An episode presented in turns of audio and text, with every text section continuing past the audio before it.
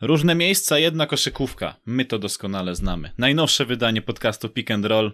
Zaczynamy. To jest kolejne 136 wydanie podcastu Pick and Roll i pierwszy raz pokazujemy swoje twarze. Tak, chociaż nie wszyscy, ale to dokładnie wyjaśnię. Bartłomiej Misztal, witam wszystkich bardzo gorąco. No cóż, powracamy po troszkę dłuższym okresie niebycia, ale musieliśmy nabrać troszkę więcej energii i poukładać pewne sprawy, aby wejść w 2021 rok z przytupem. Tak, z koszykarskim przytupem, no bo wiadomo, Pick and Roll to jest podcast poświęcony koszykówce, tej najlepszej koszykówce. A ze mną oczywiście niezmiennie te same persony, czyli Adam Fabisiewicz. Cześć Adam. Cześć, kłaniam się wszystkim. I Maciej Jankowski, który dzisiaj wyjątkowo zdecydował się nie pokazywać swojej twarzy. Pewnie fanki hot take'a są zawiedzione. Cześć wszystkim, y, witam moje fanki, jeżeli takie mam. Widzę, że tutaj już wiesz trochę więcej ode mnie. Czy nie, bo tu powiedzieli, że fanki hot take'a, nie że moje fanki, tak? No właśnie. A to się, to się nie rozumie samo przez się, Maćku. Wiesz, to, to się przenikają te sfery E, na każdym poziomie. Powinieneś się cieszyć, że to jest e, i będziesz miał po prostu do nadrobienia pewne e, wizualne zaległości. Tak. Nie, tutaj od, od razu się wytłumaczę. Po pierwsze, chciałem zostawić też coś na później, bo jak już byśmy przy pierwszym odcinku wszyscy swoje twarze pokazali, to no to jaki byłby efekt wow przy następnych odcinkach. No a tak całkiem serio mój laptop dzisiaj przy okazji działania na kamerce w trakcie egzaminów zdalnych na studiach zrezygnował e, z uwieczniania mojej twarzy permanentnej, kamerka się e, rozwaliła i jest już w naprawie. Wszystko, zatem na przyszły tydzień. Obiecuję, będzie mnie by widać. Więc za tydzień, tak jak jeżeli obiecałeś, to za tydzień musi to być spełnione, ta obietnica. Więc jak najbardziej. Ja, ja ci przypomnę. obietnicę. Ja ci przypomnę, ty, ty miej, to, miej tę świadomość. Panowie, bo Dobrze. wchodzimy z nowym formatem i ja już jestem po pierwszym teście, bo już byłem w Double Trouble z Krystianem i wyszło to całkiem dobrze. Myślę, że kolejne podcasty też pokażą naszą siłę, e, nie tylko wokalną, ale też wizualną. A jak wy się czujecie z tym? Bo ja osobiście no już parę ujęć ze mną było robionych, zwłaszcza z mojego samochodu też dwa wywiady udało się zrobić, dwie rozmowy w zasadzie. E, Adam też w jednej uczestniczył, więc y, może od Maćka, ponieważ y, chociaż nie, no Maciek z racji tego, że e, nie pokazuje twarzy, ale nawet jeżeli, mm, jak ty ale już... ja też brałem udział w live jednym. Ja wiem, że ty brałeś udział w live, ale jak, jak ty to personalnie odczuwasz, bo widzimy też po efektach naszej pracy e, już przy pierwszym Double Trouble, że jest lepiej. Jest zdecydowanie lepiej. Jest lepiej, ale jest trudniej z takiego powodu, że trzeba się pilnować. E, ja myślę, że tutaj nie odkryję tajemnicy, opowiadając wszystkim osobom, które czasami mają możliwość rozmawiania z kimś przez jakiekolwiek komunikatory, czy nawet przez telefon, e, że e, kiedy człowiek rozmawia, to nie zawsze wygląda to w taki sposób, jak rozmawiamy ze sobą face to face.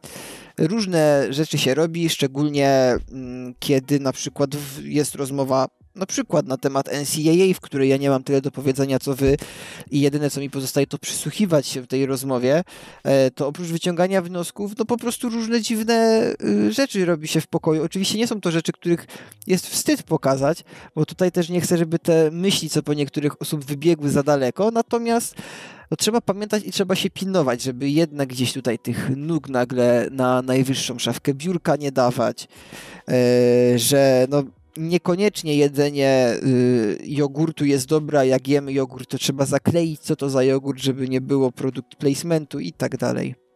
To znaczy. Ja nie mam takich obserwacji y, jak, jak Maciek do końca. Znaczy ja, ja Myślę, że wolność tego... domku w swoim domku, tak, tak, ja, ja, tak mi się tak, wydaje. Chociaż y, ja z pracy, że tak powiem, przed kamerą dla, dla hot take'a wyciągam raczej pozytywy. Pierwszy pozytyw number one to taki, że trzeba jednak ogarnąć w pokoju, zachowywać względny porządek i względną dyscyplinę, co już jest plusem.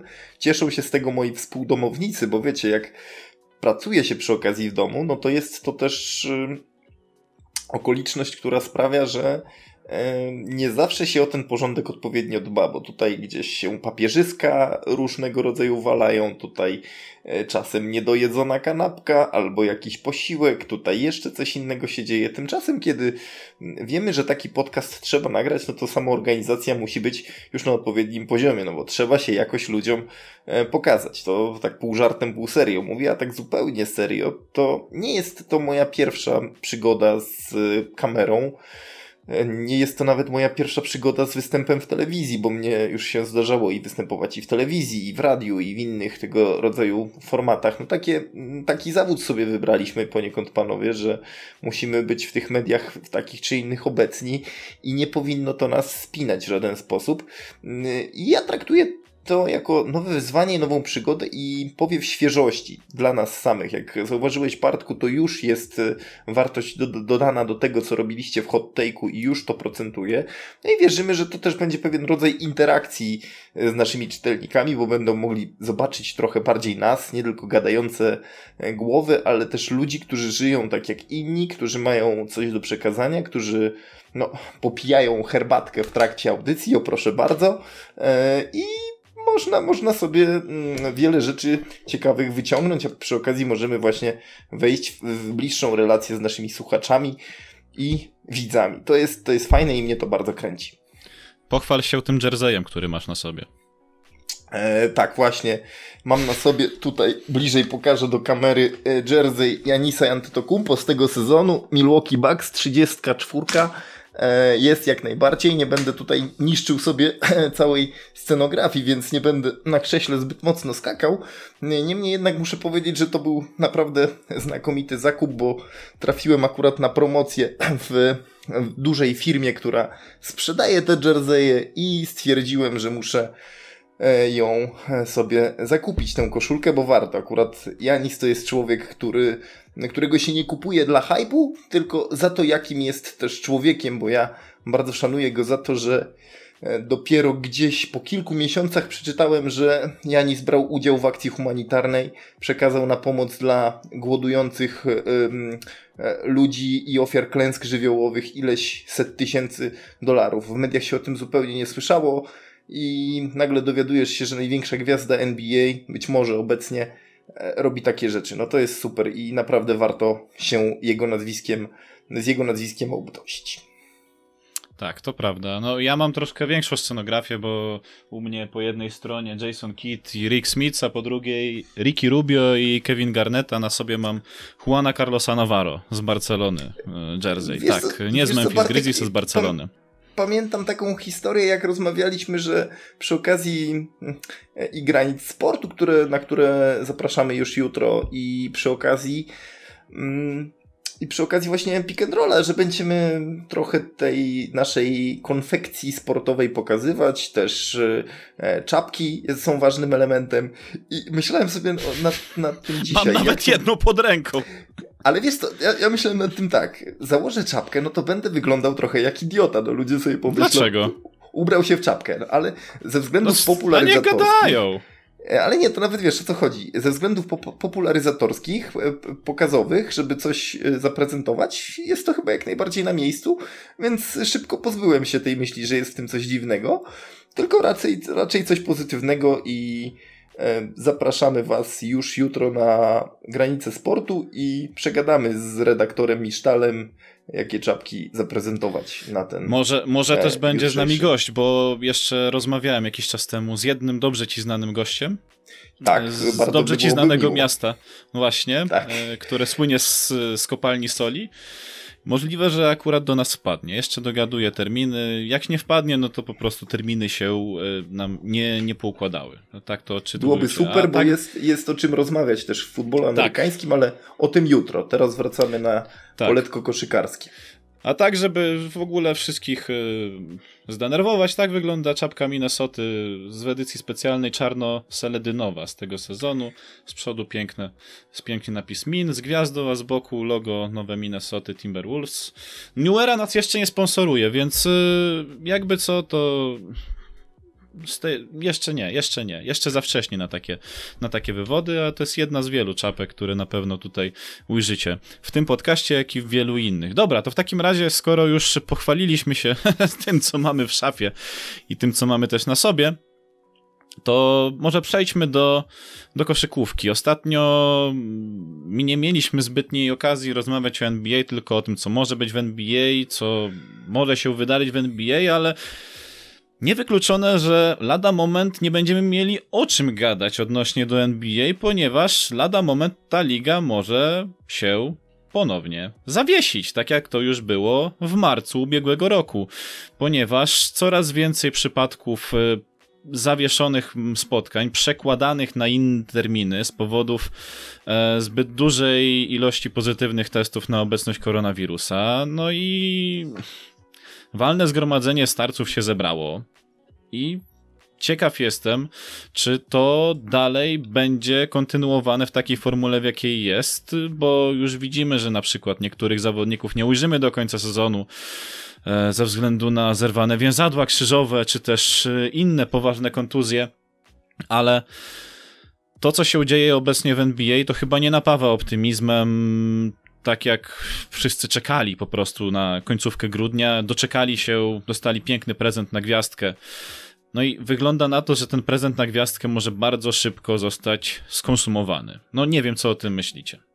Ja powiem krótko, bo właśnie w międzyczasie, jak mówiłeś, sięgałem po pada do Xboxa, żeby sobie zajrzeć e, do przeglądarki internetowej i sprawdzić, czy rzeczywiście jest to, o czym ostatnio mm, czytałem i to już jest pewne. Też Bogdan Bogdanowicz e, będzie miał chroniczne problemy z kolanem i prawdopodobnie e, może już w tym sezonie mieć te problemy do końca. Nie wiadomo, jak bardzo będzie mógł grać.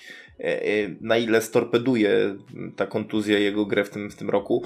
No ale to jest jedno. Kontuzje wynikające z prawdopodobnie krótkiego okresu przygotowawczego, w dużej mierze niemożliwości przygotowywania się tak jak normalnie to robili koszykarze sezon do sezonu. Do tego krótki stosunkowo czas na przygotowanie się do sezonu to też e, nie mogło zrobić dobrej pracy dla mm, koszykarzy, nawet na najwyższym poziomie e, zaawansowania, z jakimi, z jakimi mamy do czynienia w NBA.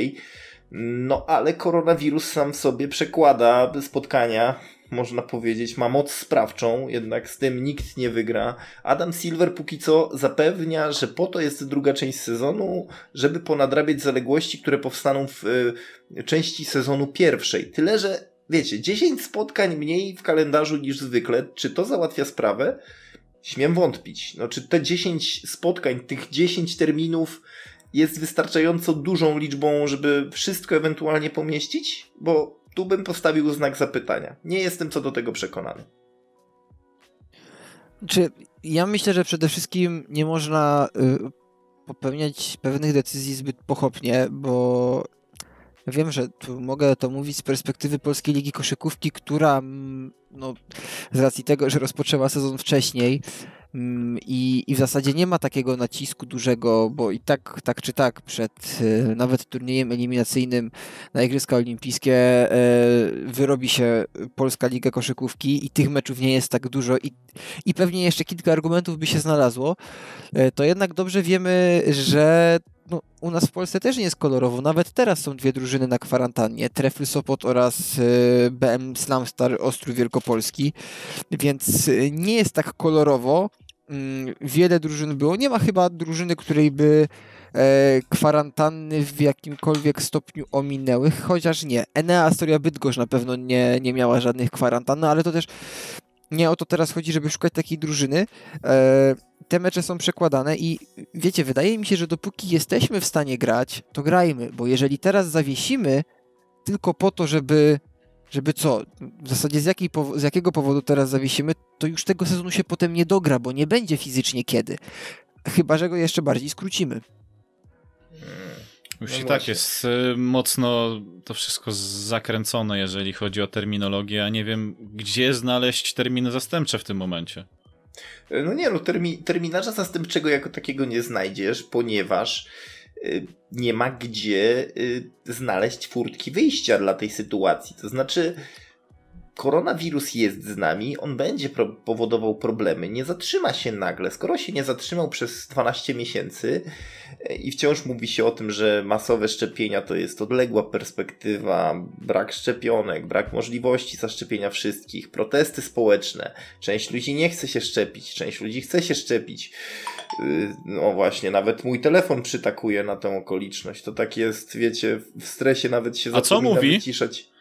Y, to, to moja, mój sufler podpowiada mi, co mówić y, do mikrofonu w tym podcaście. A, rozumiem.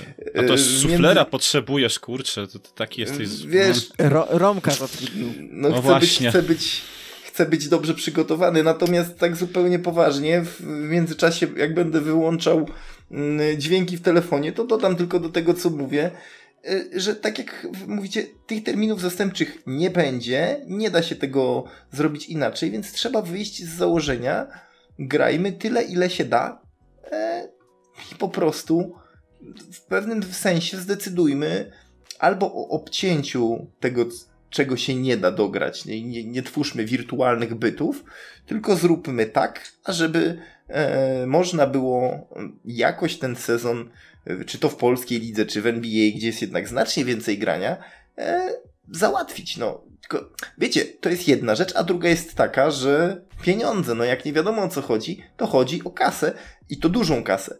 No bo te 24 miliardy dolarów, o których mówimy zawsze z Mm, Bartkiem przy okazji tej nowej umowy zbiorowej podpisanej w 2016 e, roku, no to to są niemożebne pieniądze. To trudno sobie wyobrazić, jak ogromnej skali to są, to są pieniądze i jak wiele trzeba E, zobowiązań e, tutaj na siebie przyjąć, żeby e, jednak w tym bardzo pysznym torcie mieć swój udział. No i kontrakty, umowy to też ma swoje znaczenie, dlatego NBA pod żadnym pozorem nie chce sezonu jeszcze bardziej skracać, no ale cały świat się wywrócił do góry nogami, więc i NBA chyba musi się z tym liczyć. League Pass nie tanieje. Więc... League Pass nie tanieje. Wiesz, tak. Gdyby sezon nie był już na takim poziomie zaawansowania, to logicznym rozwiązaniem byłoby ewentualnie po, pomyśleć nad dwoma bańkami. Wschód gra osobno, zachód gra osobno, w playoffach dopiero się spotykamy. Tylko, że co teraz z drużynami, które rozegrały x spotkań pomiędzy konferencjami? Dlaczego jedna drużyna już zagrała dwa lub trzy mecze, czy tam ileś meczów, nie wiem, z najlepszymi z drugiej dywizji, a druga z najsłabszymi z drugiej konferencji oczywiście? A, a nagle teraz po tym sezonie twierdzić, że to co, to ruszamy z bańkami konferencyjnymi, a mecze międzykonferencyjne i jednak nie liczymy ich, no to to też się mija z celem, tak? Żeby, żeby nagle w tym momencie stwierdzić, że to, to co do tej pory grali, to w zasadzie się nie liczy. No. Cóż, no, ja niestety tutaj y, jeszcze tylko dokończę. Wychodzi rzecz, mhm. której, y, którą obawiałem się od dawna y, i jakbym y, był bardzo hamski powiedziałbym, a nie mówiłem, bo doskonale pamiętacie, jakie ja zawsze miałem podejście i jakie ja miałem opinie a propos tego takiego usilnego grania, rozpoczynania tego w taki, a nie inny sposób. Ja może tutaj działałem w formie takiej osoby, która lubiła ponarzekać, ale zawsze miałem łatwość ze znalezieniem czegoś na nie, co, co nie wyjdzie, spłycając wszystko, że NBA nie myśli o niczym innym, tylko o pieniądzach. Ich no, chyba powoli zaczyna to coraz bardziej wychodzić. Niestety. To, to poniekąd Co każdy widać na przykład po, po sześciu strojach na przykład dla niektórych drużyn. Jaką cholerę, acz, sześć różnych acz, strojów. Aczkolwiek, e, jeśli, jeśli, już o strojach mówimy, to o jednym musimy powiedzieć e, bardzo e, wyraźnie. Cholernie Którym? mi się podobają stroje Miami Heat, te takie w, styl, mi nie. w stylówce... Jezu! Różowo-niebieskie? Tak, w stylówce Jezu. policjantów z Miami. Są super, moim zdaniem. Nie, wiecie. nie są na, na pół podzielone ten, ten, ta, ta, ten, i to wcale nie mam tutaj inklinacji do tęczy, ani nic z tych rzeczy. A ja, ja, ja tylko czekam, kiedy środowisko, no dobra, nie, nie, nie kontynuuję. To znaczy te, te czapki z tą kolorystyką sprzedały się chyba jako pierwsze w ogóle, jak wyszły do sprzedaży. E, ja ogólnie też mam wrażenie, że oprócz tego, że Miami yy, od kilku sezonów robi bardzo fajne te stroje, to Miami stało się stroje Miami, może tak powinien powiedzieć, stały się modne. To jest. Yy, zanim zostanie wydana jednoznaczna opinia, przez to, że Miami, te City Edition przez kilka lat były bardzo popularne, bardzo fajne, bardzo lubiane, to to mam wrażenie, że wiele ludzi woli sobie kupić, bo no nawet jak się nie, nie, nie sprzeda to dobrze i nie będzie takiego boom, to będę miał, a się podobają, a zawsze można się pochwalić, że wiecie, tego już nie ma, a ja mam. Ja bym nawet na to inaczej spojrzał. Miami, Floryda. W Miami, w Miami o Miami można powiedzieć tak poza koszykówką, że to jest miasto szpanu. Chyba porównywane pod tym względem nawet do Los Angeles bez większej przesady. Y, mam przyjaciół, którzy mieszkają na Florydzie i, i zgadzają się z tym. Mm, niestety. Y, I to chyba z tego wynika. Tam to, co jest kolorowe, to, co jest ekstrawaganckie, co jest inne, co wydaje się wszystkim dziwne, tam jest w modzie, bo ociera się o hipsterstwo, co w przypadku Miami nie jest określeniem pejoratywnym, tylko wręcz przeciwnie. Jak jesteś w czymś, tak się wyróżniasz, to znaczy, że jesteś cool. I ja się zastanawiam, jak mocno to się będzie w Miami rozwijać, bo koszykówka póki co, panowie, w Miami nie idzie w tym sezonie tak, jakby sobie tego życzyli. To niejako w Miami zaczęło się pasmo nieszczęść koronawirusowych, bo tam pierwsze spotkania odwołane y, i potem poszło dalej.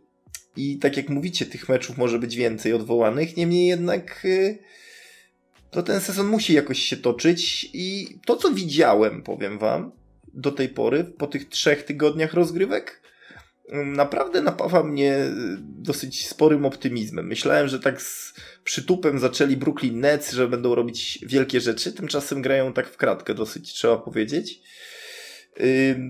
Bardzo pozytywnie zaskakuje mnie zespół Phoenix Suns, który no pod wodzą znowu tego małego generała, można powiedzieć, robi robotę i jakby zastanawiam się, ile jeszcze żyć e, ma ten człowiek, e, Chris Paul. Zastanawiam się, jak mocno może się rozwinąć przy nim koszykarsko jeszcze Devin Booker, bo to już jest gracz wielkiej klasy, więc ogromny plus dla mm, Phoenix Suns, aby jak najdłużej grali tak dobrze, tym bardziej, że nieszczęścia też ich nie omijają, już nawet nie mówiąc o koronawirusie, to pożegnaliśmy całkiem niedawno e, wielkiego człowieka, legendę Phoenix, e, zarówno trenerską, jak i koszykarską, Paula Westfalla, mistrza NBA z Boston Celtics, ale finalistę NBA z Phoenix Suns i jednego z najlepszych graczy w tej organizacji, a także trenera e, finalistę z 93 roku przeciwko Chicago Bulls prowadził wtedy Phoenix Suns znakomite finały. Moim zdaniem chyba jedne z najlepszych finałów, jakie widziałem ever w, w życiu. Y, I to, to jest naprawdę duży plus dla Phoenix Suns w tym roku. Bardzo, bardzo ciekawie zapowiada się gra w tym roku Atlanty. Myślałem, że to jest jakiś chwilowy przeskok tego, co oni mogą zrobić, co, że zaraz się wypalą. Trochę martwi kontuzja jednak Bogdanowicza i to, co się może dalej dla tego zespołu wydarzyć, ale wierzę, że mogą zrobić dużo dobrego, tylko żeby się skład y, właściwie bilansował, bo jak się gra siedmioma, ośmioma graczami, bo, ma, bo inni mają protokoły covidowe, no to ciężko jest cokolwiek zrobić. I jeżeli to wszystko jakoś w miarę się utrzyma, to takie zespoły jak Phoenix, Atlanta będą naprawdę ciekawe do, do oglądania w tym roku. No i nie mówiąc już o Orlando Magic, którzy też bardzo pozytywnie zaskakują. Bez Jonathana Isaaca, bez Markele Fulca niestety. No właśnie, Markel Fultz, zerwane więzadło w kolanie. Y, to jest czł człowiek niestety, który ma takiego pecha. Tak, Najpierw y, z, z, tym więzadłem w, w obręczy barkowej, później teraz y, kolano, jeju. Szkoda mi go trochę. To był, to był, to był yy, uwielbiam nazwę tej przypadłości Markela Fulca, to był zespół, zespół górnego otworu klatki piersiowej. Zawsze mm -hmm. mnie mhm. prosisz, Bartek, żebym to cytował na antenie, już się wyuczyłem. Yy, Zapamiętałeś, tak się... chociaż, chociaż lekarzem ani fizjoterapeutą nie jesteś. No tak, aczkolwiek nie zawodowo, aczkolwiek hobbystycznie już tak. Staram się poszerzać wiedzę w tym, w tym, w tym temacie, żeby przynajmniej e, zadbać dobrze o własne ciało i mieć tego świadomość. To bardzo dobrze. Mm, nie wiem, czy się zgodzicie. Rzuca, rzucam wam pytanie w przestrzeń. Co sądzicie o Charlotte Hornets? Bo w tym roku naprawdę dobrze pod wodzą Gordona Haywarda gra się tej drużynie i to widać. E, statystyki notowane przez tego gracza po odejściu z Boston Celtics mega na najwyższym poziomie, że tylko rzucę ostatnie cztery spotkania, 23 e, przepraszam, 29,3 punktu na mecz, 4,5 zbiórki, 55,4% z gry, 50% za 3, 92,3% e, wolne. W tym czasie Charlotte są 4 do 0. Nie pytam zatem o Bola, pytam o całą drużynę Charlotte Hornets, bo tam też Devonte Graham robi fantastyczną robotę chociażby. To może ja się wbiję, pozwólcie, że zacznę ten temat. Y, moim zdaniem przede wszystkim największy plus dla y, Charlotte jest to, że Hayward spełnia się jako lider, a, a jednocześnie y, nie jest w negatywny sposób wszędzie go pełno. Jego jest wszędzie pełno w ten pozytywny sposób. Trzeba zebrać zbierze, trzeba rzucić, rzuci, ale, ale nie absorbuje całej gry pod siebie. Natomiast Druga rzecz, y, którą ja zauważam, i zauważam to mimo wszystko y, z lekkim uśmiechem, bo w zeszłym sezonie Terry Rozier gdzieś mi z radaru wypadł, y, a to też dlatego, że Charlotta grała sezon jaki, jaki grała. Natomiast widzę, że jest to zawodnik, który też rzutowo bardzo dobrze gra i, i to też jest ważne, bo tak jak w o Haywardzie możemy właśnie powiedzieć, że jest graczem, y, który, który robi dużo dobrego, tak mimo wszystko Rozier, nawet jak grał w tych ułożonych y, Boston Celtics, to zawsze miałem o nim takie podejście, że to jest taki gracz szalony, że on jak już ma piłkę w rękach i w jego głowie przestawi się, że chce rzucić, to chociażby się dookoła niego pięciu szaku Onilów postawiło, to on i tak rzuci, bo on chce rzucić. Y, I bardzo dobrze, że on rzuca na naprawdę niezłym procencie, bo Mówimy o zawodniku, który oddaje 7,7 trójek na mecz i trafia 43,5% z nich.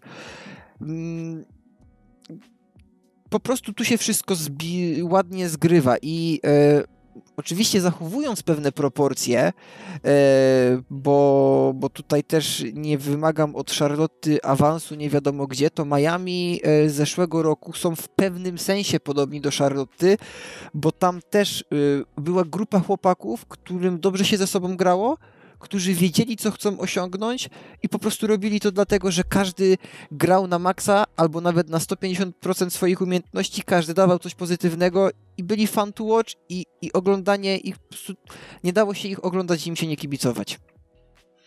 Mi się no podoba ja może... ta Charlotte w wykonaniu Maćka, tylko dodam. To, to, może ja krócej, bo musimy lecieć dalej z tematami, a o NBA chyba sobie pogadamy to za tydzień też, więc yy, będę musiał zakończyć to swoim wywodem na temat Charlotte Hornets.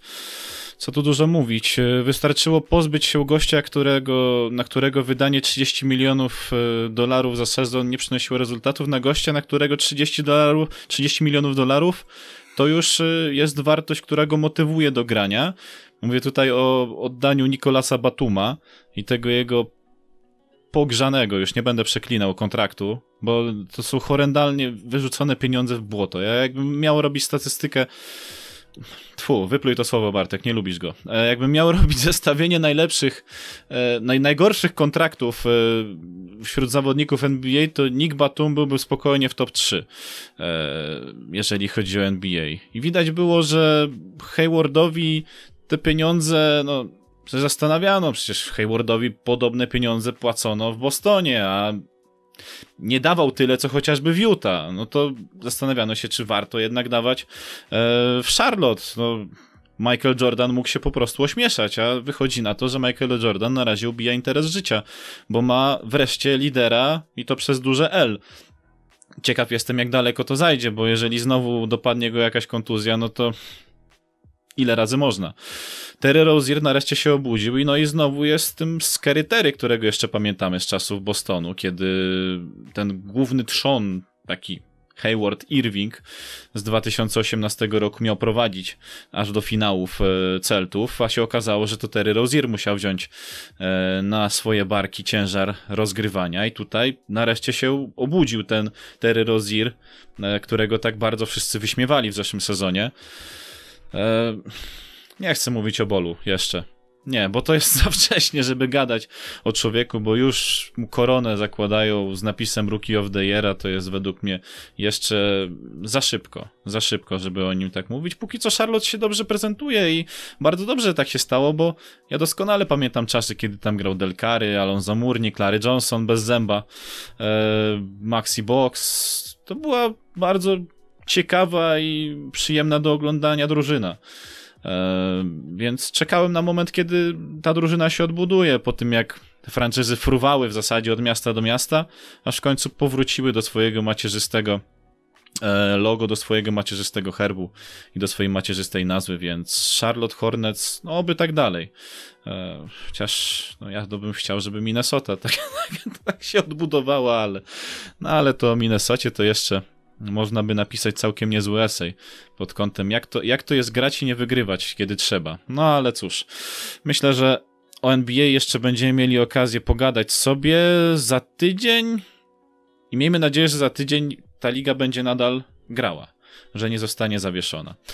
No to co? E, tak, tak. E, to póki co jeszcze może zostańmy w Stanach. Ja będę tak tasował tymi, e, tymi tematami. No jeszcze trochę czasu mamy. bo zostaniemy w Stanach. Y, dużo ciekawego dzieje się w akademickiej. Tutaj myślę, że Adam się troszkę ożywi, obudzi, bo dawno już akademickiej nie mówiliśmy, Adam. chodzi mi tutaj głównie o to, że zdecydowano aby turniej March Madness, chociaż March, no nie wiadomo, czy on zostanie rozegrany w marcu, chociaż no plany są jednak takie, a nie inne. No dobra. E, turniej e, finałowy w koszykówce akademickiej e, mężczyzn będzie rozgrywany w Indianapolis. I to już jest potwierdzone, że, że to będzie miasto, nomen omen to jest miasto, w którym powstało National Collegiate Athletic Association, czyli NCAA. Więc tam, gdzie powstało, tam, będzie tam będą rozgrywane mecze. Nie wiemy jeszcze w jakiej formule, ile spotkań, no znaczy, no, ile spotkań to wiemy, no, będzie ich całkiem sporo. E, ale jak to rozplanują, jeżeli chodzi o halę, mm, wszyscy włodarze, to, to pozostaje nadal znakiem zapytania. Natomiast pod znakiem zapytania nie stoi ranking e, najlepszych e, programów uczelnianych, no i mam déjà vu. Mam déjà vu, bo w zeszłym sezonie zanim zawieszono e, sezon 2019-2020, e, na pierwszym miejscu była Gonzaga, na drugim Baylor. Obecnie na pierwszym miejscu jest Gonzaga i na drugim Baylor. No. Tylko gdzieś tak mi zmienić. To Kentucky mi gdzieś uciekło, które było też wysoko, ale gdzieś mi uciekło Kentucky. Wiesz co, ja, ja słuchałem dzisiaj kawałku podcastu Andiego Katza, z którym, którym właśnie omawiał problem znaczy problem Kentucky. To jest problem. Problem Kentucky jest bliźniaczo podobny do problemu Duke. Skończyły się talenty, wiesz. Można rok rocznie y, brać najlepsze prospekty w kraju, ale w momencie, kiedy przyjdzie taki sezon, taki rok prospektowy, w którym nikogo nie wyciągniesz z czołówki, no bo jak przypomnimy sobie, to Duke dwa lata temu wyciągnęło trzech najlepszych ludzi w kraju, do prawda. swojego programu akademickiego. Dwóch kolejnych wyciągnęło Kentucky, więc mhm. piątka zamknięta, zamieciona bardzo szybciutko, a, a reszcie zostały, mówiąc brzydko, ochłapy. W tym roku sytuacja się zmieniła, bo to nie był tak e, dobry rok. Ja oczywiście nie twierdzę, że ludzie typu Brandon Boston czy Kate Cunningham nie zrobią furory i tak dalej, ale dajmy im czas. E, natomiast e, no, no, ten sezon jest ewidentnie takim rokiem przejściowym, który wpłynął chyba na wszystkich po trosze, yy, też na jakość gry. I trzymają się, zobacz Bartku, dobrze te programy, które już budowały ludzi, budowały organizacje i nie za bardzo się rozeszły, rozpierzchły. No bo Gonzaga to jest konsekwentnie budowana yy, marka przez nomen omen marka Few od kilku ładnych lat i tam 22 ludzi... dokładnie, jeżeli dobrze pamiętam. Tak a tam rotacja ludzi nie jest tak duża jak w Duke czy, czy w Kentucky właśnie. E, nawet, nawet w Kansas Jayhawks więcej jest e, ludzi, którzy się rotują. No i Gonzaga konsekwentnie, tak samo jak Michigan Wolverines, to są ekipy, które będą się bardzo liczyły, no, powiedzmy umownie, w March Madness. No, jakby to, to nie podlega dyskusji. To samo Scott Drew i jego ludzie. I, i, I Baylor tutaj zdecydowanie myślę będzie mocnym kandydatem do walki o e, nawet o zwycięstwo w całej, w całej lidze.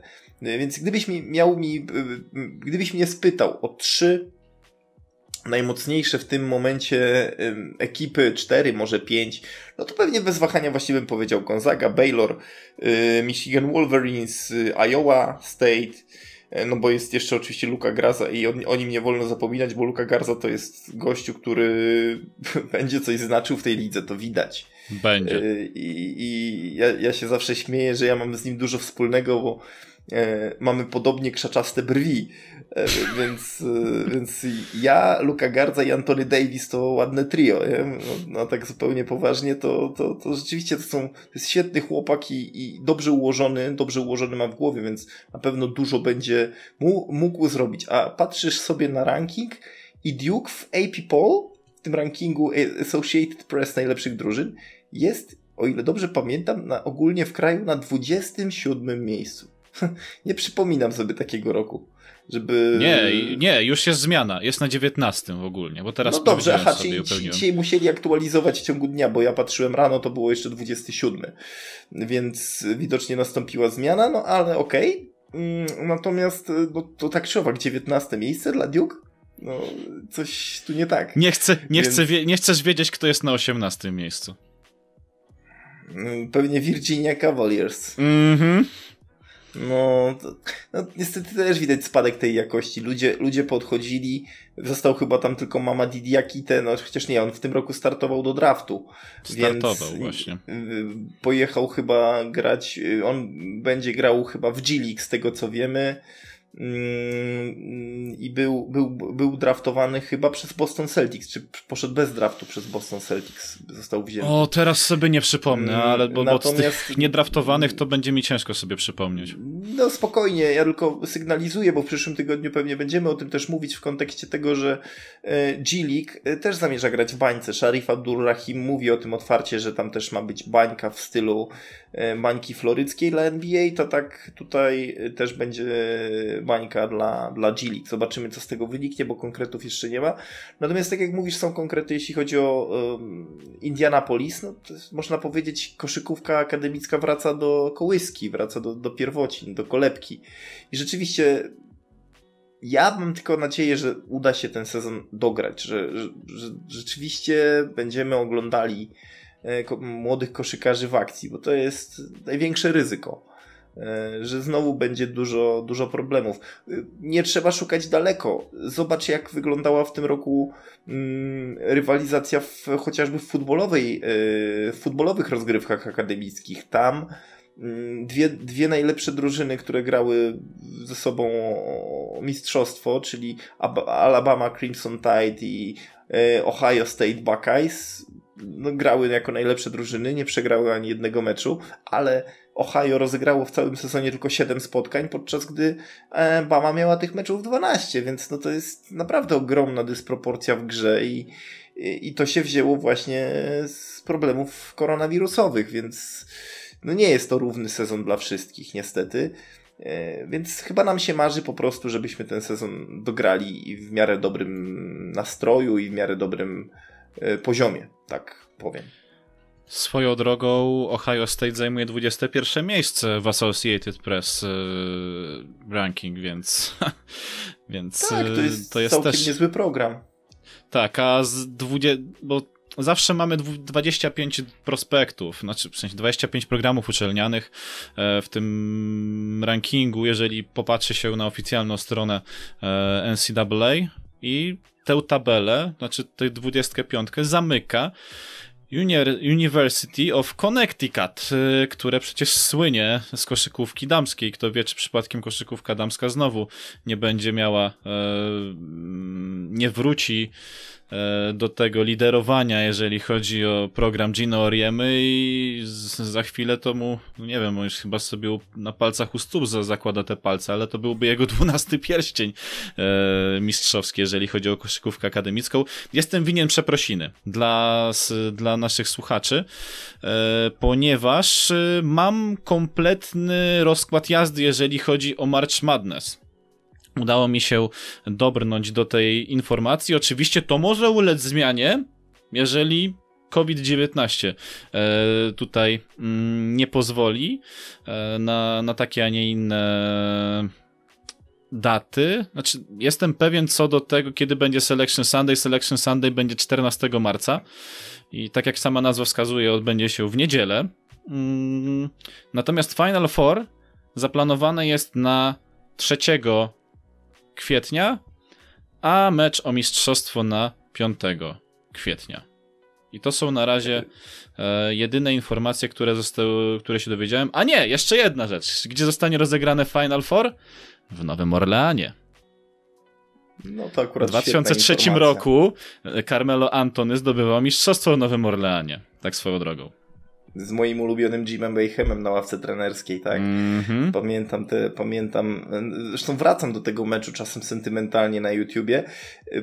Dodajmy tylko jeszcze do tego, jakby nawiążę do Gino Oriemy. No wiesz, Gino Oriema ma w tym roku Paige Bucher w swoim składzie, czyli najlepszą najlepszy prospekt ze szkół średnich i to od lat tam mówią, że ona już jest lepsza od Sabriny Jonesku, że już potrafi więcej, że ma większy zasięg i tak dalej. Więc ciekawe pytanie, chociaż co, co, co ciekawe Yukon Huskies w wydaniu kobiecym na, nawet nie są na pierwszym miejscu wśród drużyn, e, które mogą się też e, liczyć, jakby być rozstawione przed Selection Sunday. A Selection Sunday też jesteśmy winni krótkie wyjaśnienie naszym słuchaczom, co to jest. To jest komisyjne wybieranie najlepszych drużyn, e, które wezmą udział w March Madness, czyli w turnieju mistrzostwo, ponieważ jest tak, że oczywiście kwalifikują się do tego turnieju zwycięzcy poszczególnych konferencji, ich mistrzowie, plus drużyny najwyżej rozstawione w rankingu, czy też najwyżej notowane ze względu na tradycje koszykarskie, siłę programu, Mm, liczbę prospektów dobrze rokujących przed draftem NBA. Tych zmiennych jest ileś, to jest wyliczane na podstawie średniej ważonej i szeregu innych median matematycznych. Mm, no, plus może Jest specjalny algorytm, którego nikt nie rozumie. Jest specjalny algorytm, którego nikt nie rozumie, plus y, chyba po prostu czysto ludzkie układy. I tak, i tak to trzeba, trzeba powiedzieć. No i na tej podstawie rok rocznie 68 drużyn kwalifikowało się do, do March Madness. Miejmy nadzieję, że mm, przez koronawirusa w tym roku komisja nie zdecyduje się okroić tego składu. Zobaczymy jak to będzie, natomiast oby się to wszystko udało. No to chyba pokrótce wyjaśniłem, czym jest Selection Znaczy 68, 68 jest wybieranych, ale 8 musi walczyć o te miejsca najniższe, w sensie o seed 11 i 16. Tak, wybierane są 64 plus 4, 4 wchodzą jakby z tylnymi drzwiami z tymi, z, z, tymi muszą walczyć właśnie w tych jakby barażach, czyli cztery y, najniżej rozstawione plus cztery, które wchodzą z tego, tego barażu jest 8 i, i walczą właśnie o te cztery ostatnie miejsca które tworzą nam ostateczną 64-meczową, 64-drużynową e, drabinkę. I jeszcze jedna informacja. Mamy 32 konferencje w dywizji pierwszej i zwycięzcy tych konferencji, bo później się jeszcze gra turnieje wewnętrzne o zwycięstwo we własnej konferencji i zwycięzcy tychże konferencji mają już z przykazania przydzielone miejsce w March Madness. Tylko Seed już określa ten algorytm e, końcowy. Tylko jest jedno ciekawe pytanie. Ivy League zrezygnowało z rozgrywania sezonu koszykarskiego. Co w takim razie z tą konferencją? No, no to w miejsce, w miejsce tej konferencji, to na ogół Ivy League miało tylko jedno miejsce. No tak. Więc to, to miejsce przejmie prawdopodobnie któraś z najsilniejszych konferencji, więc albo ACC, ACC. albo, albo Big 12, albo Big Ten. Albo SEC. Może, może SEC, może Pac-12, chociaż Pac-12 to bardziej futbol amerykański, więc... Ale nie, teraz y- UCLA sobie całkiem nieźle radzi w tym sezonie, ci powiem. No A tak, Oregon jest typowany w top 25. No tak, no wiesz, jak patrzymy na to, jak gra Peyton Pritchard w tym roku mm, w tym roku w Boston Celtics, to chyba ci wszyscy Mówiłem. muszą zwrócić honor, Bartek, że to jest jednak Mówiłem. Kozak. I ja też się do tego grona dołączam, chociaż ja akurat nie twierdziłem, że Peyton Pritchard jest słaby, ale przyznaję, nie myślałem, że tak się chłopak rozwinie już tak szybko. Także twoja racja, mój spokój, Bartek.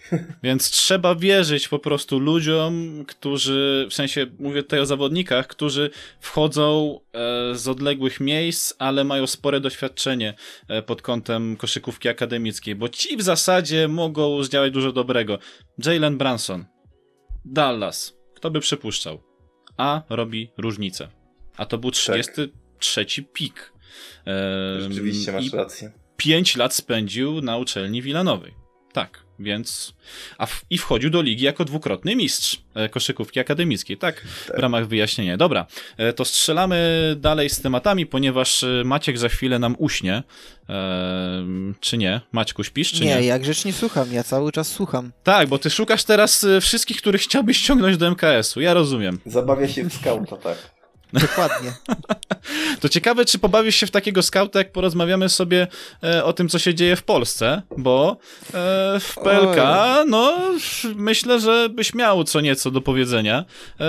E, MKS w końcu uciekł z tej strefy zagrożonej, teraz bije się o playoffy. Mam taki flashback sprzed dwóch lat, tak ci powiem.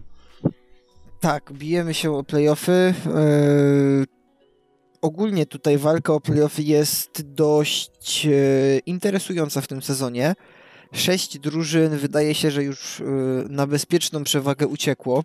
Jest to oczywiście Enea, Zastal, BC Zielona Góra, Legia Warszawa, Arget, BM Snamstal, Ostrów Wielkopolski, WKS Śląsk Wrocław, Pszczółka, Star Lublin i Trefl Sopot.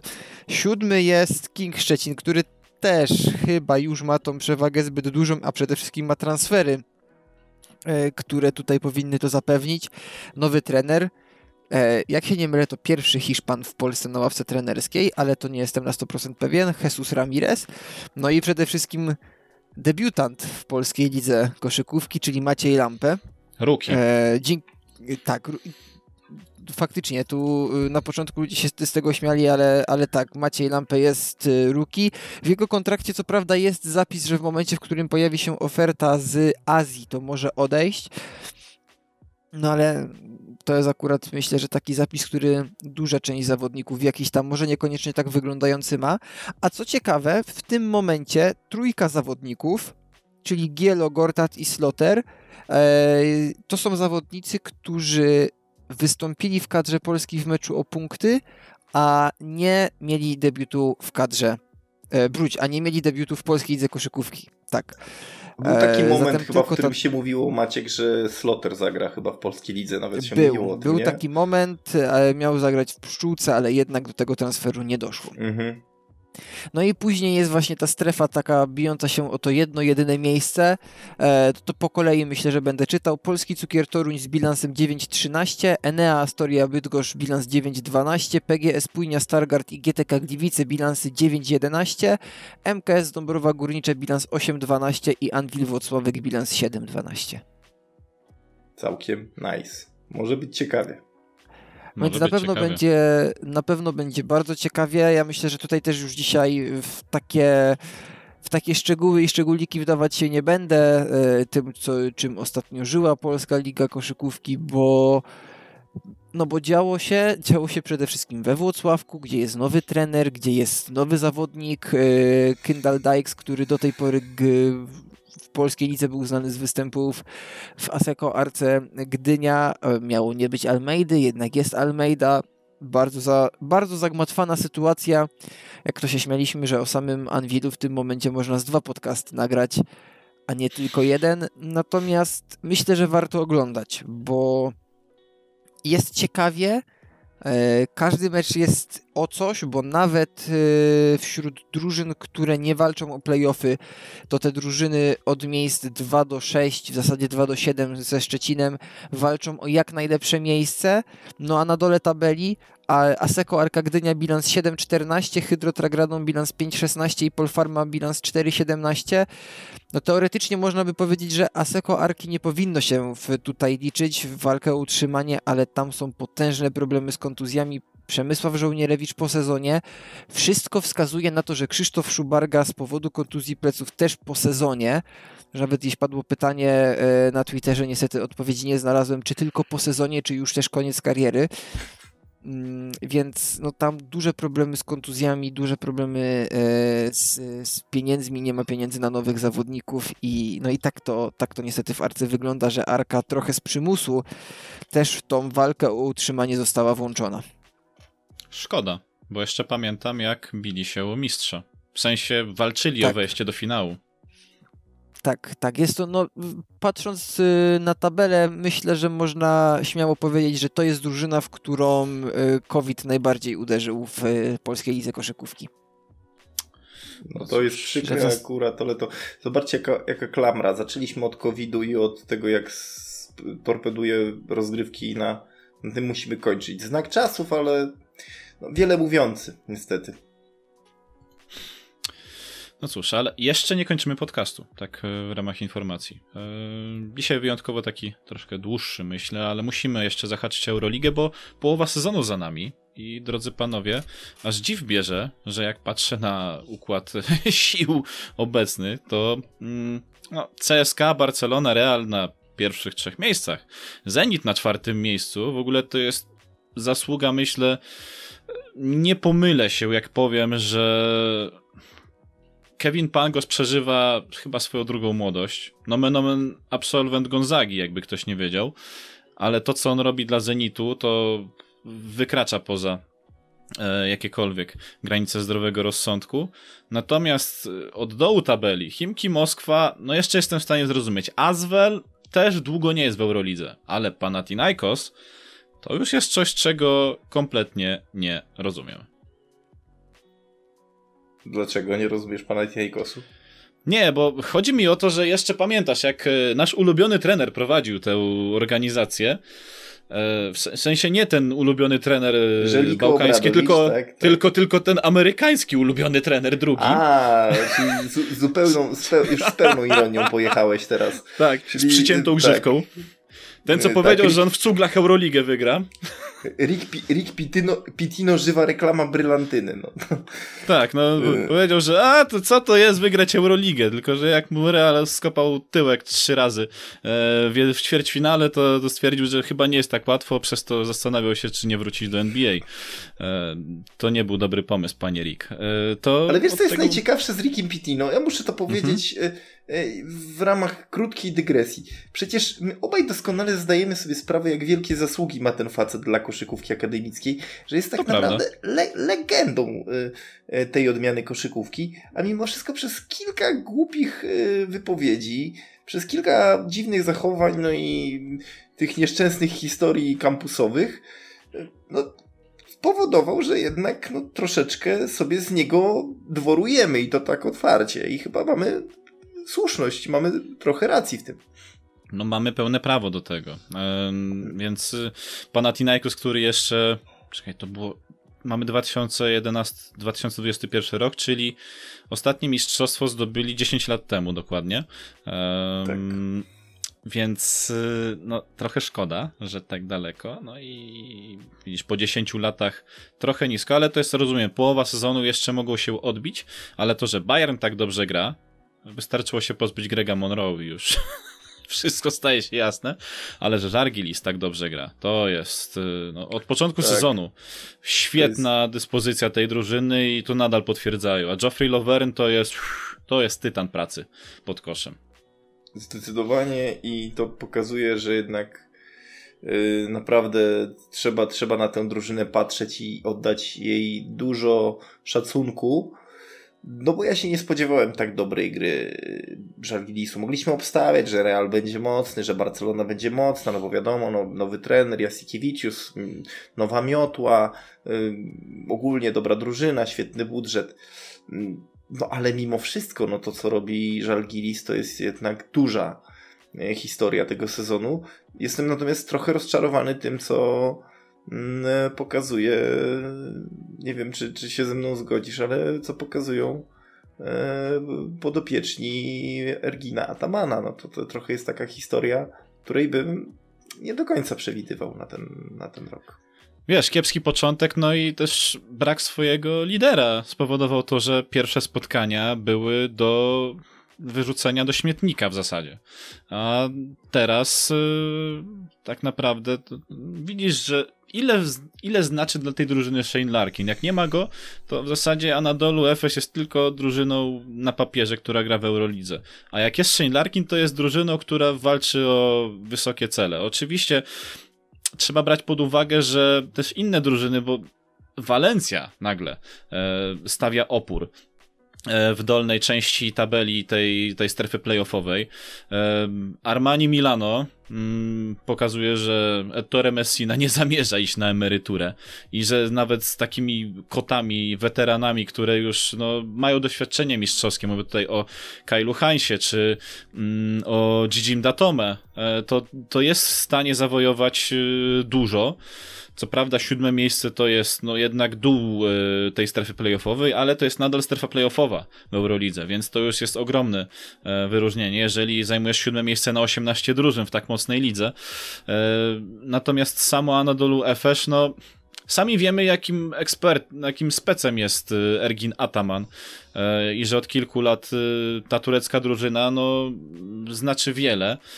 E, zwłaszcza w momencie, kiedy Fenerbacze zmieniło trenera, ale Fenerbacze też nie pozostaje dłużny. Natomiast, no Anadolu Efes to jest na ten moment Shane Larkin i niestety muszę to stwierdzić długo, długo nic. Bo bez Shane'a Larkina ta drużyna ma może 40% swojej skuteczności, e, swojej siły, swojej mocy, e, którą tak straszyli jeszcze w zeszłym sezonie. I szkoda, że ten sezon nie został rozegrany do końca, bo kto wie, czy przypadkiem e, Anadolu Efes nie byłoby w tym momencie mm, obrońcą tytułu. A tak, no niestety nie wiemy, kto jest obrońcą tytułu, no bo sezon został przerwany. E, więc możemy się tylko zastanawiać, kto w tym sezonie będzie mistrzem, ale po tym, co obecnie widzę, ja nie wiem. Ja absolutnie tego nie wiem. Też nie wiem, a może Maciek wie? Trudno powiedzieć.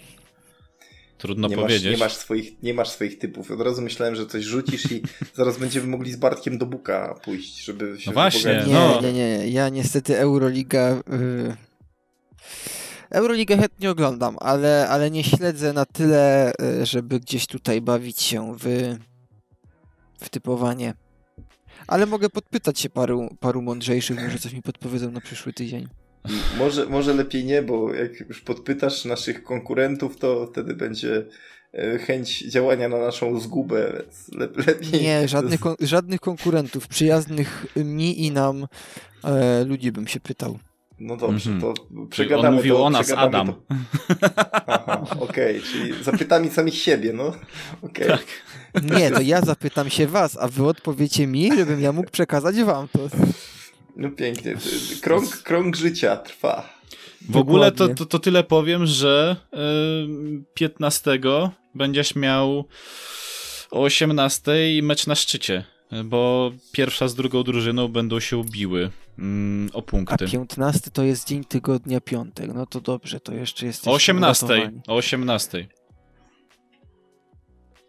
A o tej samej godzinie też, znaczy masz problem, bo jeszcze jest jeden mecz. Żargilis gra z Zenitem. Nie wiem, czy patriotyzm u ciebie zadziała, czy jednak chęć obejrzenia dwóch obecnie najlepszych drużyn w Eurolidze. 15, 15 o 17.35 gra Enea Astoria Bydgoszcz z Hydrotrakiem Radą, więc niestety, ale... Masz telefon. Euro, Euroliga gra w złych momentach i próbuje grać w tych samych godzinach, co najlepsza liga koszykarska w Europie, więc niestety wybór jest prosty. Dobrze, to obejrzysz Ma... sobie z odtworzenia. Kup sobie Maćka wygrywa lokalny patriotyzm, niestety, rozumiesz. Koniec. Nie da się. Ilu macie, ilu macie w tych meczach, które mi powiedzieliście, prospektów, którzy mogą trafić do NBA? W tych drużynach? A ja będę miał, a ja będę miał Adriana Boguckiego pomidor. Znaczy, jest to akurat w tych drużynach euroligowych, no to nie, no bo to już są na ogół goście w wieku, który nie predestynuje do grania w NBA, no. Nie każdy jest Miloszem Teodosiczem, że sobie idzie po 30 do... I Facundo Campazzo. I czy Facundo Campazzo, To no. prawda.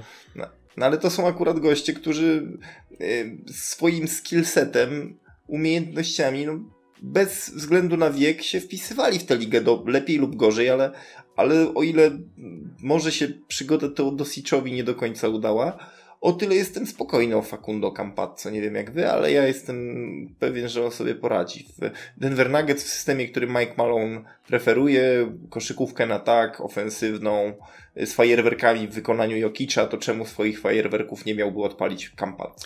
Nicolo Melli nadal gra w Nowym Orleanie, tyle powiem. No właśnie, więc nie jest źle. Shane Larkin też czytałem w marce, wypowiadał się na łamach hiszpańskiej marki w w zeszłym miesiącu bodajże, czy dwa miesiące temu, że on, jeżeli dostanie propozycję z NBA, to bardzo chętnie wróci, więc to może nie byłby mm, draft, ale jednak powrót do NBA też huczny. Tylko pytanie, czy ktoś zechce Larkinowi dać kontrakt. Znaczy, słuchaj, jeżeli masz pewny kontrakt w Europie, też przyjemne miejsce typu, no załóżmy Barcelona, to jeżeli na przykład złożyłoby ci ofertę Detroit Pistons, to chciałbyś tam jechać czy nie? Niekoniecznie akurat. No właśnie. Detroit, to nie jest wymarzone miejsce do życia i mieszkania. Ale z drugiej strony mówimy o Shane Larkinu, który, Larkinie, który w tym Detroit, yy, idąc na fali wznoszącej swojej formy, mógłby po prostu zawojować to miasto i chociaż przez chwilę być dla Detroit tym, czym dla Filadelfii swego czasu był Tony Roten. Wiesz, no to, e, to Larkin prawda. był chyba wybierany z trzynastką w drafcie, jeżeli mnie pamięć nie myli. Lata temu. Chyba tak. Więc dosyć wysoko.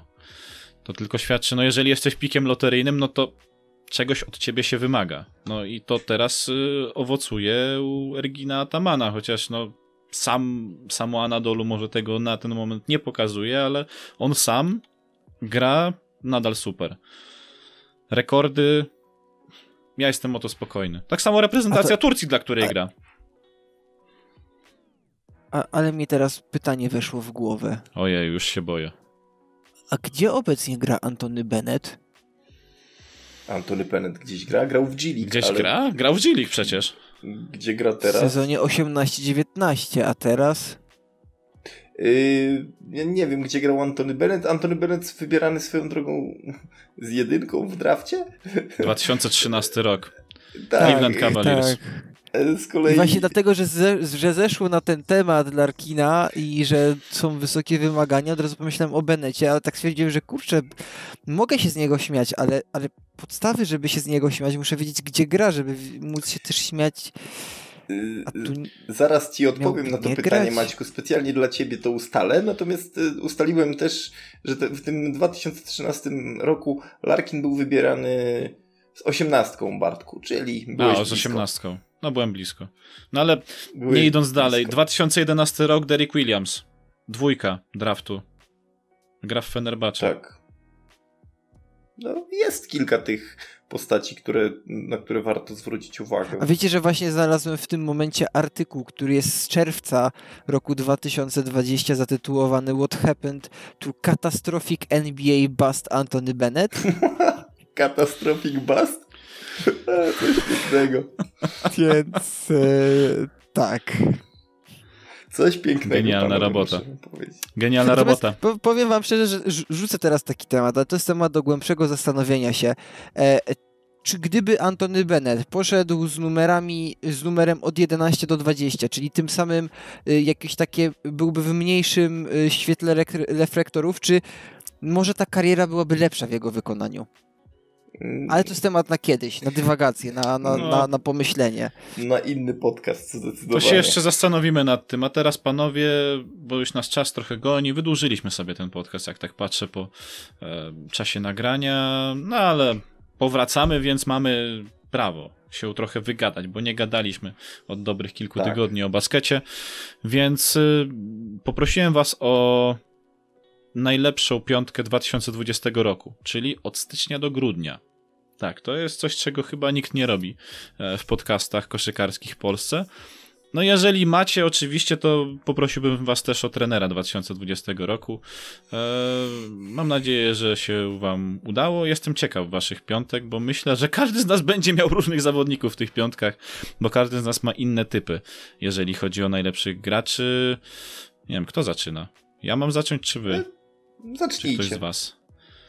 To może ja mogę ja szybko ruszyć. A proszę bardzo. E, ja bardzo szybko. E, na początek na rozegranie Ife Lundberg i to nie tylko za to, co on w tym momencie robi w drużynie z Zielonej Góry e, i w VTB i w PLK, ale mhm. też za to, co Lundberg zrobił w ostatnich meczach kadry i że ta końcówka, bo tu jasne, patrzę troszeczkę z perspektywy listopada-grudnia, spowodowała, że już oficjalnie nie jest, nie jest to żadną tajemnicą. Lundberg jest na radarach kilku klubów NBA i może się okazać, że będzie to pierwszy Duńczyk w NBA. Mm, na dwójce, trójce, bo tu mam dwóch zawodników, którzy wymiennie mogą ze sobą grać, to może zacznę od tego, e, który jest naszym Polakiem, który jest najlepszym strzelcem ligi niemieckiej, czyli Michał Michalak. Myślę, że obok osoby, która widzę na niemieckich parkietach zdobywa prawie że 21 punktów, yy, trafiając 49,3% rzutów z gry za 3 za 2, bo wszędzie tutaj ma 49-3 nie można przejść obojętnie, e, a też zresztą e, zeszły sezon, w końcówkę zeszłego sezonu, ten styczeń, luty, kiedy jeszcze tam e, było grane, miał całkiem udany w barwach warszawskiej Legii, a obok niego Luka Doncic. Ja myślę, że wziąłem sobie za cel zrobić piątkę bez Amerykanów i Luka tak chyba idealnie mi to puentuje, pokazując, że to ci europejscy zawodnicy potrafią być niewiele gorsi, a może i nawet lepsi i myślę, że Luka też tutaj zasługuje. Na czwórce długo się zastanawiałem i może to być da co po niektórych zaskoczenie, ale Danilo Gallinari, bo, bo myślę, że ta końcówka e, zeszłego sezonu, która już miała miejsce w 2020 roku, jak najbardziej zasługuje, żeby Danilo Gallinariego gdzieś tutaj e, liczyć wśród tych jednych z najlepszych, szczególnie jeżeli trzymam się, że sami europejscy zawodnicy, a na piątce Dominik Olejniczak. Uhu, brawo. Brawo, dobry Wiedziałem, że będzie jeden zawodnik, którym ci się spodoba. Naprawdę oryginalnie, ale Dominik Olejniczak pokazuje się fenomenalnie w polskiej lidze. Ja bardzo lubię tę jego zaciętość w defensywie przede wszystkim. A jeśli miałbym wybrać trenera, to tak teraz się zastanowiłem, że no, chyba się będę trzymał jednak PLK i tutaj Żan Tabak. Mm, ciekawy wybór. Bardzo Jean Tabak z dwóch powodów. Po pierwsze za to, co robi i za to, jak robi. E, przytoczę tutaj szybko sytuację, kiedy w jednym z ostatnich meczów błąd w obronie popełnił Roland Freimanis. Było około 5 minut gry do końca drugiej kwarty i Jean Tabak nie miał żadnych problemów. Zdjął Rolandsa Freimanisa e, z boiska, i w żołnierskich słowach kazał, kazał mu odmaszerować do szatni, gdzie Roland Freimanis spędził końcówkę pierwszej połowy, później doszło do męskiej rozmowy, Freimanis wrócił na boisko bez żadnych problemów, ale też pokazał, że nie ma miejsca na gwiazdy i jeżeli nawet jeden z najlepszych zawodników popełnia błąd, to jest traktowany tak jak zawodnik z końca rotacji. Zawaliłeś, masz to przemyśleć, a jeżeli coś ci nie pasuje i stawiasz się trenerowi, to do szatni i tym, tym podejściem do zawodników też, też, mi, też mi imponuje od dawna.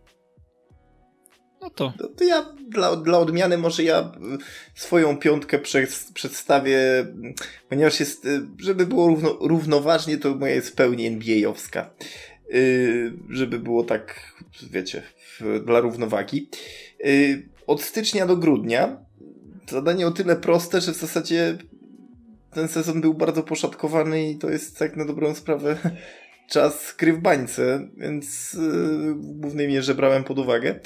E, no ale oczywiście, na jedynce Luka Doncic e, to jest mój bezsporny wybór. Na dwójce LeBron James e, to jest też wybór, który, z którym nie mam, co do którego nie mam żadnych wątpliwości. Trzy to będzie Jamal Murray. Tutaj jednak to, co robił ten chłopak, szczególnie w playoffach przeciwko nie wiem, Oklahomie, Houston, to były historie które no, będzie, będziemy długo pamiętać. Yy, numer 4 Anthony Davis. Mistrzowie zasługują na to, co mistrzowskie. Yy, miałem duży problem z piątką, powiem wam szczerze, bo mogłem Davisa postawić na czwórce lub na piątce i, i tutaj byłoby, byłoby po problemie. Natomiast gdybym miał wybierać kogoś yy, z centrów na siłę, no to mimo wszystko ja za to, co grał przez cały sezon Rudy Gobert, stawiam na niego, no bo to był chyba jego sezon życia, kiedy się wydaje, że e, nie, nie można już zagrać lepiej. To on gra kolejny super sezon i e, pomijając fakt, że od niego się całe to koronawirusowe zamieszanie w NBA zaczęło, to mimo wszystko trzeba go pochwalić za to, jak wielkie miał kochones, pokazał je na boisku po powrocie, nie załamał się, dał radę i, i za to jest moim E, supercentrem. E, to jest moja piątka. Jeżeli chodzi o trenera, mm, chciałbym się wyłamać, tak na dobrą sprawę, dać trenera z NCAA, ale wiem, że, że, że Bartek prawdopodobnie taką wskaże, więc już zostanę zupełnie przy NBA.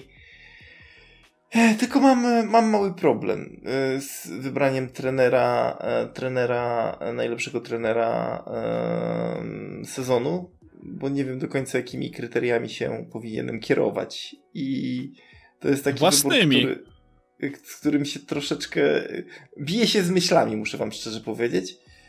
Mm, no ale mimo wszystko chyba jednak postawię na Mm, na Kennego, e, na Kennego Atkinsona za Brooklyn Nets i tamten sezon naprawdę bardzo fajny.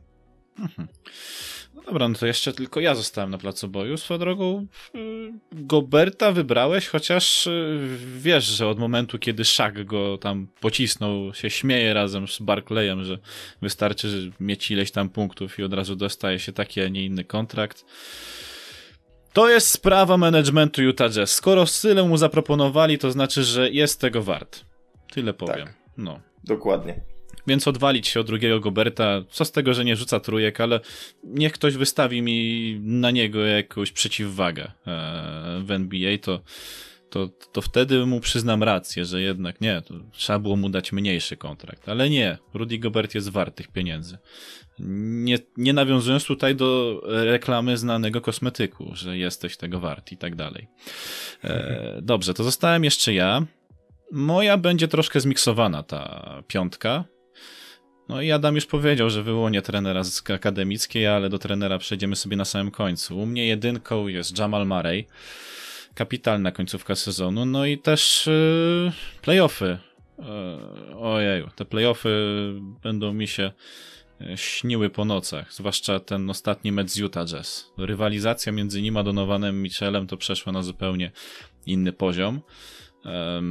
Na dwójce dałem tu was zaskoczę, chociaż nie, już mówiłem o tym zawodniku. Shayna Larkina, bo cały rok był w zasadzie jego. I gdyby nie ta pandemia, to prawdopodobnie on by zebrał wszystkie nagrody indywidualne w Eurolidze i prawdopodobnie by się e, odegrał na tym zepsutym finale e, z CSK. Tam zaważyły no, detale, ale no, w zasadzie to on grał cały finał dla Anadolu Efes, a to, co prezentuje Anadolu jest niewspółmierne do poziomu, jaki nadal prezentuje Larkin, czy to w samym klubie, czy to też w reprezentacji Turcji, dla której gra. Bo w eliminacjach do Eurobasketu on też pokazywał się z bardzo dobrej strony, więc y, to jest też ciekawe, że zawodnik, który gra w jednej z lepszych y, drużyn w Europie, może sobie też pozwolić na wyjazd na kadrę reprezentacyjną i, i grać sobie tam jak równy z równym, nie tracąc przy okazji na jakości. I to mi zapadło w pamięć za 2020 rok, jeżeli chodzi o niego, dlatego jemu dałem miejsce w tej piątce. Trójka, czwórka to tak wymiennie. LeBron i Anthony Davis. Dlaczego LeBron? Bo to LeBron. A dlaczego Anthony Davis? Bo gdyby nie on, to LeBron nie świętowałby mistrzostwa praktycznie. On e, dołożył bardzo dużo do Los Angeles Lakers i prawdopodobnie bez niego ta drużyna nie miałaby takiej jakości, e, jaką powinna mieć. Nawet z LeBronem w składzie. Muszę to powiedzieć szczerze. No i na piątce to będzie kolejny. E, to będzie powtórzony w zasadzie głos Maćka. Dominik Olejniczak. Mm, obserwowałem go cały sezon w FSU. I może nie zdobywał jakichś ogromnych punktów, no ale to jest koszykówka akademicka. Też umówmy się, Dominik jest powiedzmy klasycznym centrem. E, z lekką nutką nowoczesności, kiedy dostaje piłkę pod koszem, on nie musi się rzucać na hura e, ze wsadem, tylko może rozegrać na obwód. To robił też grając w FSU, e, gdzie zagrywał piłki do Devina Vassela, do Trenta Foresta, czy też do Patricka Williamsa, którego tak teraz uwielbiają w Chicago wszyscy. Poza tym też no, zaimponował mi tym, że po ostatnim meczu sezonu regularnego e, przeciwko Boston College e, wyszedł na środek razem ze swoją kobietą i się jej oświadczył. To było świetne. E, teraz mieszkają razem w, w Sopocie. No i w Treflu to co on robi? To naprawdę. Jak, jak widziałem po prostu te tweety e, ludzi, którzy twierdzą, twierdzili, że o, to będzie nikt, bo on w ogóle nie rzuca z dystansu, się nie nada do tej ligi, jest za wolny, co z tego, że grał w Stanach. No to myślę, że te osoby teraz nabrały wody w usta i trzeba oddać Dominikowi to, co mu się należy, bo za 2020 rok to był jego rok, jeżeli chodzi o podkoszowych. I mówię to z pełną świadomością tego, że, że jednak to, to jemu się należy to miejsce, przynajmniej w mojej piątce. Um, I tyle. Natomiast jeżeli chodzi o trenera, Mark Few. Trener Gonzagi. No ponad 20 sezonów dla tej organizacji, wiele prospektów poszło do NBA, tu mogę wymieniać Domantas Sabonis, y, Rui Hachimura, Brandon Clark, od lewa do prawa. A nawet w Europie, Kevin Pangos, czy też z lekkimi przeskokami, postojami, zastojami i tak dalej, problemami niestety, e, Przemysław Karnowski. No ale Mark Few rozegrał z Gonzagą 28 spotkań w zeszłym sezonie, bądź też 27, miał tylko jeden przegrany mecz. Jeden przegrany mecz. I tak jak wspominałem na początku, Gonzaga była pierwsza przed zawieszeniem sezonu i Gonzaga jest pierwsza po, po raz kolejny, pomimo tego, że odszedł Filip Petruszew, że nie ma już Kiliana Tilly, czyli tego ostatniego trzonu drużyny, która walczyła o mistrzostwo w 2017 roku. E, teraz doszedł Jalen Sachs, no to jest freshman, który prawdopodobnie może być, prawdopodobnie może być, nie no, on będzie dobrym nośnikiem, e, jeżeli chodzi o mm, przyjemną dla oka grę Gonzagi, e, która jest no już od wielu, wielu lat e, na wysokim poziomie. No ale Jalen Sachs no wszedł w buty Josha Perkinsa z przytupem i może być dla niego tylko lepiej. A przy okazji nie próżnuje w obronie, e, jak na freshmana. To mi się też u niego podoba. Co więcej, jest jeszcze jeden kot, tylko już jako weteran. Corey Kispert, to jest, to jest dzik ofensywny, to jest totalny dzik ofensywny i na niego też polecam sobie spojrzeć. Także widać u Marka Fiu, pomimo tego, że od niego odchodzą zawodnicy mm, do różnych stron świata, bo Filip Petruszew, Filip Petruszew poszedł grać do Serbii. E, Kilian Tilly ostatecznie trafił do NBA. No ale odchodzą od niego zawodnicy, przychodzą nowi i ta Gonzaga nadal jest typowana jako druga bądź też pierwsza drużyna w koszykówce akademickiej.